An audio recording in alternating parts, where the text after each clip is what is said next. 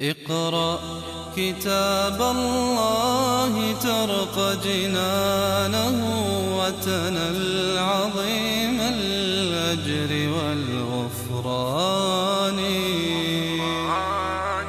رتله روي القلب من نفحاته كالماء يروي لهفة العطشان. ولقد جاءهم من الأنباء ما فيه مزدجر. الأنباء جمع نبأ والعادة أنها هي الأخبار العظيمة. وغالب ما يطلق لفظ النبأ في القرآن الكريم على الخبر العظيم وجئتك من سبأ بنبأ يقين. قد نبأنا الله من أخباركم. فالنبأ هو الخبر الذي له أهمية وله عظمة وتتوفر الدواعي على نقله.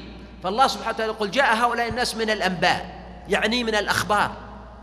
وهنا مع أنهم في مقام آية كونية رأوها بعيونهم وهي انشقاق القمر إلا أن الله سبحانه وتعالى أعادهم إلى موضوع الأنباء يعني الأخبار التي ساقها الله لهم. ومنها الأخبار المسوقة في هذه السورة مما جرى للأمم السابقة لأن فيها عبرة عظيمة ولقد جاءهم من الأنباء ما فيه مزدجر. يعني سبب للزجر أن تنزجر تزدجر قلوبهم عن الباطل وتتعظ وتتعامل بصدق وبجدية مع الوعيد والوعد ومع الأخبار ومع النبوة. هذا معنى قوله مزدجر أي سبب للزجر والازدجار. حكمة بالغة فما تغني النذر. أما قول حكمة بالغة فالحكمة هي البصيرة وضع الشيء في موضعه. الحكمة هي الكلمة الصحيحة ذات المعنى العظيم في عبارة موجزة. الحكمة هنا بالغة يعني بالغة منتهاها في جودتها وإتقانها وضبطها. وهذا إشارة إلى حكمته سبحانه. فالله تعالى من أسمائه الحكيم. ولذلك هذه الآية تشتمل في قول حكمة بالغة على معنيين. المعنى الأول حكمة الله سبحانه وتعالى في تصريف الأمور. حكمته في خلق الأمم حكمته في خلق الإنسان بنفسية وعقلية وطبيعة قابلة للهدى والضلال والخير والشر وهديناه النجدين. حكمة في إرسال الرسل حكمة في الإذن للناس بأن يصدقوا أو يكذبوا وقل الحق من ربكم فمن شاء فليؤمن ومن شاء فليكفر. حكمة في إنزال العذاب بالأمم السابقة حكمة في إمهال الناس. فالحكمة إذن في صنعه الحكمة في خلقه وكل ما يحدث في الكون له حكمة.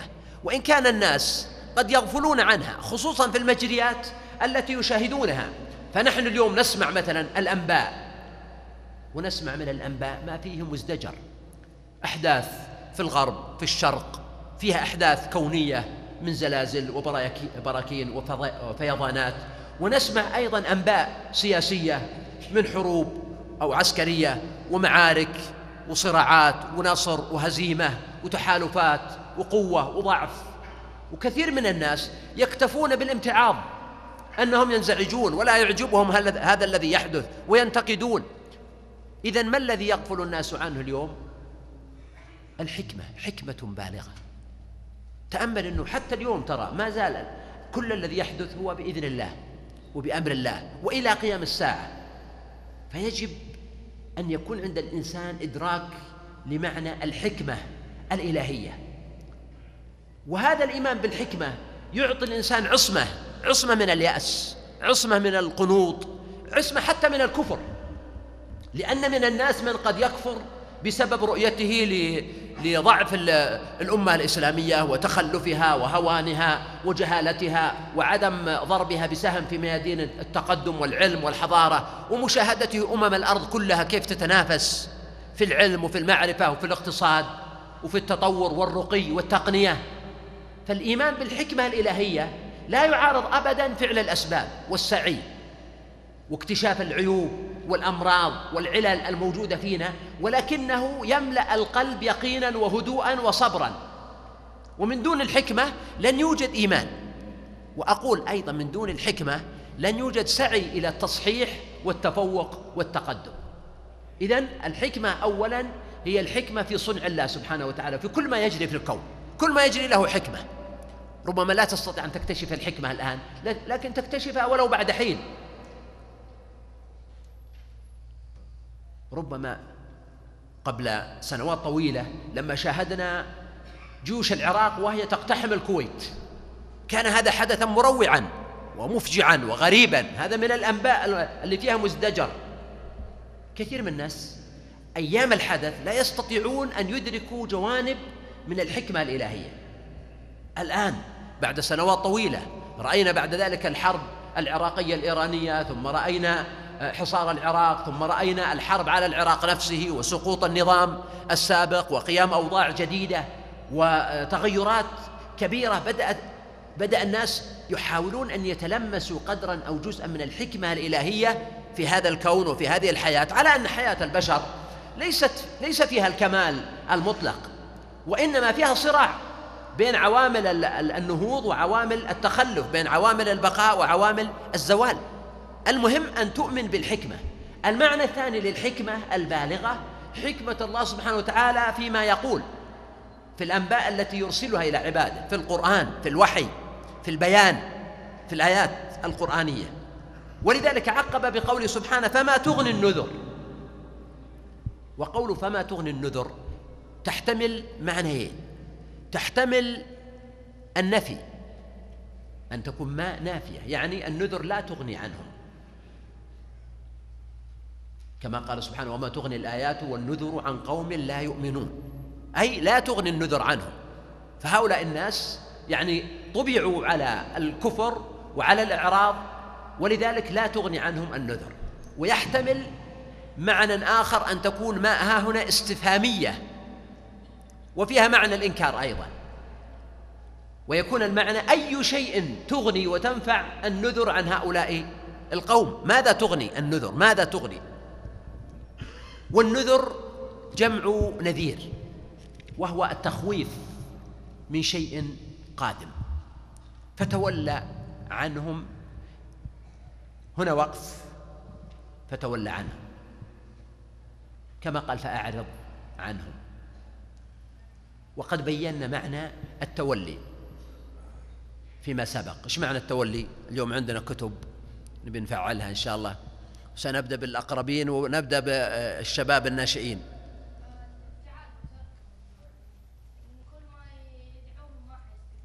أيوه ممتاز. إيش اسمك؟ مهند. تفضل يا مهند.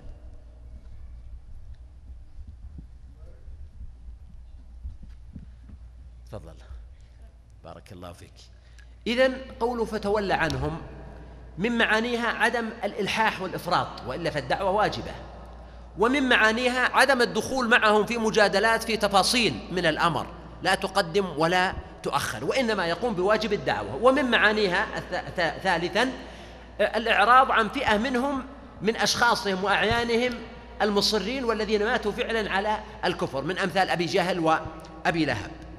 ثم بدأ الحديث واستأنفه بقوله يوم يدعو الداعي إلى شيء نكر. وهذه الآية من الآيات أو هذه السورة من السور العظيمة. وإذا قدر للإنسان أن يسمعها بصوت مقرئ جيد ويعيد استماعها فإنها سوف تعيد ترتيب نفسيته من جديد وتهزه هزا. ولاحظ من ذلك هذه الآيات. فالله سبحانه وتعالى هنا قال يوم يدعو الداعي إلى شيء نكر خش عن أبصارهم.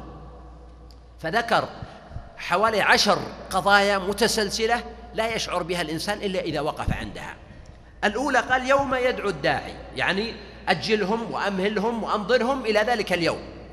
فلما قال يوم كانت كلمة يوم بحد ذاتها تهديد لأنهم هنا اتركهم إلى يوم.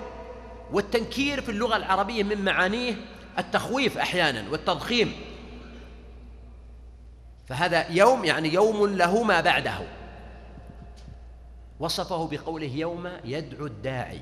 إذا هذا اليوم فيه داعي يدعو وهو من قبل الله سبحانه وتعالى معنى أنه ملك جبريل أو إسرافيل أو غيره. وهو والمقصود على الحقيقة هنا طبعا وإن كان منكر إلا أنه إسرافيل فهو الموكل بالأرواح الذي ينفخ في الصور. فهنا يدعو الداعي. ثالثا قال إلى شيء وشيء هنا أيضا منكر.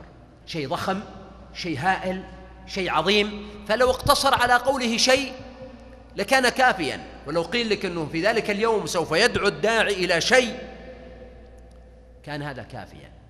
لكنه أضاف إليه قوله نكر وصفه بأنه نكر أي منكر عظيم هائل. يستنكره هؤلاء الناس. هو ليس منكرا هو خبر من عند الله ولكنه نكر عندهم منكر بالنسبة لهم. ولهذا إذا بعثوا قالوا من بعثنا من مرقدنا؟ ثم يعودون إلى أنفسهم ويقولون أو يسمعون من يقول لهم هذا ما وعد الرحمن وصدق المرسلون. فوصف هذا الشيء بأنه نكر. اذا عندك يوم وعندك يدعو الداعي وعندك شيء وصفه بأنه نكر. هذه أربعة أشياء. قال خشعا أبصارهم خاشعة أبصارهم. ترهقهم ذلة. والخشوع هنا تعريض بهم أنهم كانوا معرضين عن الخشوع لله تعالى في الدنيا. لكن في ذلك اليوم اضطروا إلى أن يكونوا خاشعين بأبصارهم خشوع مذلة وانكسار وشعور بأن الفرصة فاتت عليهم. فهو إذلال لهم. يخرجون من الأجداث جمع جدث وهي القبور. فهذه أيضا هي النقطة السادسة أن ترى الناس يتقامزون من قبورهم إلى هذه الحياة بعدما نفخت فيهم الأرواح وأذن الله تعالى بعودتهم إلى ظهر البسيطة. ولهذا قال سبحانه فإنما هي زجرة واحدة فإذا هم بالساهرة يعني على ظهر الأرض أحياء بعدما كانوا في بطنها أمواتا يخرجون من الاجداث قال كأنهم جراد.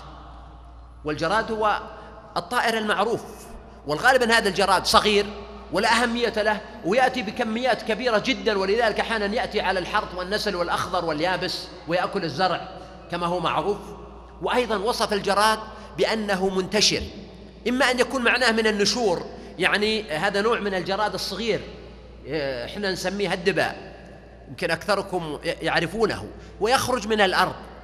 فكأن الإشارة أن هؤلاء خرجوا من الأرض منتشر يعني قد أصابه النشور وهؤلاء فعلا منتشرون يعني نشروا إلى الأرض إلى ظاهرها. فالنشور هو الحياة أو البعث. أو معنى منتشر يعني متفرق. والجراد هنا يهيم على وجهه ويضرب بعضه بعضا ويطأ بعضه بعضا. هذا من طبيعة هذا الجراد. فهي إشارة إلى أن هؤلاء الناس هائمون على وجوههم. ليس لهم وجهة معينة ولا يلتفت أحد منهم لأحد. قال مهطعين إلى الداعي. وهذه هي التاسعة أو العاشرة. والإهطاع هو الإسراع. ولكن لما قال إلى الداعي دل على أنهم ذاهبون إلى جهة الصوت الذي يدعوهم أو يناديهم وهم غافلون عما حولهم وعادة الإنسان الذي يسمع صوت مستغيث أو مستنجد ويسرع إليه. في الغالب أنه يكون رافع الرأس وقد يصبح مع ذلك نوع من الميل في رقبته وهو متجه إلى الصوت كما يقول العرب لا يلوي على شيء. مهطعين إلى الداعي. بعدما أدركوا الموقف ختم هذا السياق بقوله يقول الكافرون هذا يوم عسر يوم عسر أي عسير كما قال سبحانه فذلك يومئذ يوم عسير على الكافرين غير يسير. وقول سبحانه يقول الكافرون.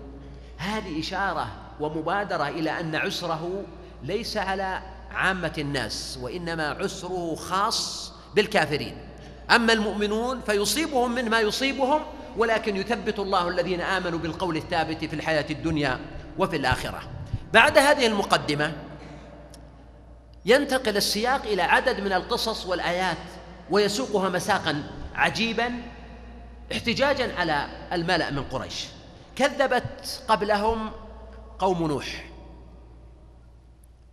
وإنما نسبهم إليه لأن هذا أسرع في البيان والبلاغ ولم يكن لهم اسم معين ولا أمة معينة وإنما هم قومه. قال الله تعالى فكذبوا عبدنا فوصفه بالعبودية له. وعادة الغالب في القرآن الكريم أن نسبة العبيد إليه سبحانه نسبة تشريف وثناء فوصفه بالعبودية له. قال وقالوا مجنون وازدجر وصفوه بالجنون. واختار الله تعالى هذا المقطع من كلامهم عن نوح لأن المشركين في مكة كانوا يصفون النبي صلى الله عليه وسلم بمثل هذا. فكأنه يقول قيل هذا لمن قبلك من الرسل والأنبياء فلا تحزن ولا تجزع. وأن هؤلاء الناس تواصوا به فهي كلمة قديمة يرددونها. وازدجر يعني أنهم زجروه عليه الصلاة والسلام. ولم يرعوا مكانته ومنزلته وما بعث الله نبيا إلا وله مكانه ومنزلة في قومه ومع ذلك هم لم يرعوا منزلته وإنما زجروه. حتى قالوا لئن لم تنتهي يا نوح لتكونن من المرجومين. هددوه بالقتل. وإني كلما دعوتهم لتغفر لهم جعلوا أصابعهم في آذانهم واستغشوا ثيابهم وأصروا واستكبروا استكبارا. فهم زجروه ونهروه وأبوا أن يستمعوا إلى دعوته.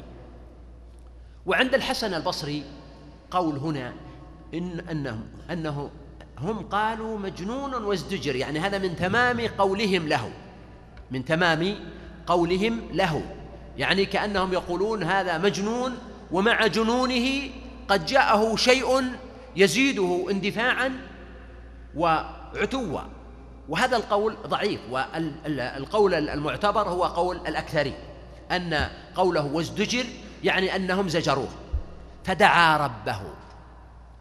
ولما لا يدعو ربه؟ وهو عبده. العجيب أن هذا النبي الكريم عليه الصلاة والسلام لبث في قومه كم؟ كم؟ خمسين ألف سنة مو بكثير هذا الرقم. لا خففوا شوي. كم؟ أيوة تفضل. تعال. تفضل. شو اسمك؟ عمر؟ عمار. مرحبا عمار. تفضل. ألف سنة إلا خمسين عاما. يعني مدة طويلة جدا. ومع ذلك تجد السياق اختصرها الآن. بمجرد ما قالوا مجنون وازدجر فتحنا. دعا ربه أني مغلوب فانتصر ففتحنا لكن ما بين وصفهم بالجنون وما بين دعاء نوح ألف سنة إلا خمسين عاما يعني صبر ألف سنة قبل أن يدعو. يمكن واحد يجي أحيانا يدعو شخص بكلمة فإذا لم يستجيب له دعا عليه. يا أخي اصبر. قال لك يا أخي نوح عليه السلام بمجرد ما قالوا مجنون فدعا ربه. السياق طوى واختصر لكن نوح صبر عليهم ألف سنة إلا خمسين عاما. فدعا ربه أني مغلوب. شوف هذه الكلمة العظيمة. أني مغلوب. غلبوه. لم يدخر وسعا في دعوتهم ولم يستجيبوا له. وما آمن معه إلا قليل. قيل آمن معه عشرة. وقيل سبعة. وقيل اثنا عشر. فانتصر. فهو يدعو الله تعالى أن ينتصر. لا ليس لشخص نوح عليه السلام وإنما لدعوته ولدينه. ولأن نوح عليه الصلاة والسلام كان مخلصا في دعوته وبذل الأسباب وما دعا إلا بعدما استفرغ كل الوسع. بل بعدما قال الله تعالى له إنه إيش؟ لن يؤمن من قومك إلا من قد آمن. متى نتلقى هذا الدرس؟ من نوح عليه السلام. نحن أحيانا أخونا المسلم المصلي إذا لم يعجبنا في أمر من الأمور ودعوناه ولم يستقبل دعوتنا بالترحاب ربما أسرعنا في الدعاء عليه. فهنا قال إني مغلوب فانتصر يعني لدينك وليس لنفسك. وليس لنفسه يعني لنوح عليه السلام. اقرأ كتاب الله ترق جنانه وتنل عظيم الأجر والغفران. رتله روي القلب من نفحاته كالماء يروي لهفة العطشان